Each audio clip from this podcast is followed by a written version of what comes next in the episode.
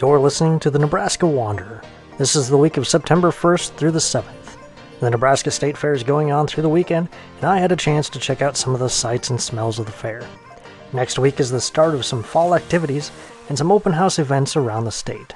Thanks for listening.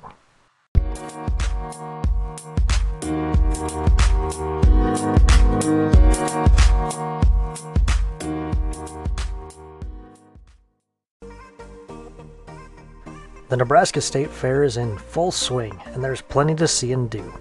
The Nebraska building houses the Game and Parks area with archery, air rifle range, and games for kids.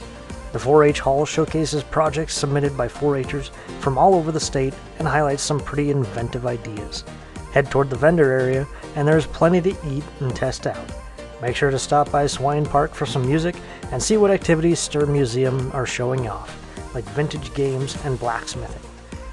The East Entertainment area is where it's at with bumper balls, a kayak testing pool, and combine rides. If you're trying to find where the honey ice cream is, just head into the Fonner Park concourse and find the concession stand among the flowers and bee society information and ask for a cup of vanilla from the bee queen. While in the concourse, check out some of the open class entries and check out the model train and plane displays showcasing those clubs. These are the things I saw while I was there, but there was plenty more to see, including several extreme sports shows and pop up shows across the fairgrounds. Make sure to pick up a program to see what all is on offer the day that you attend.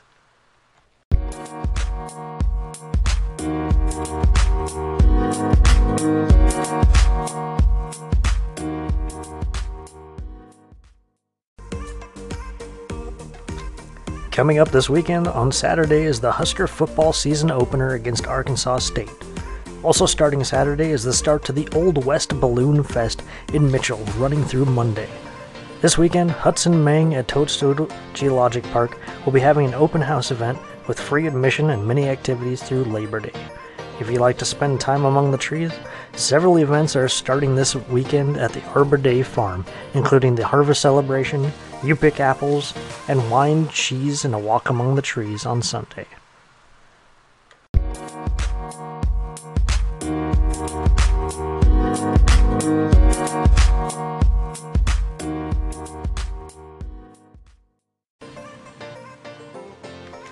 Thanks for listening to the Nebraska Wanderer. Head to Grand Island for the weekend and check out the state fair. Or if the Arbor Lodge sounds more inviting, there are several events going on down there. There's plenty going on Labor Day weekend, so get out there and explore and wander Nebraska.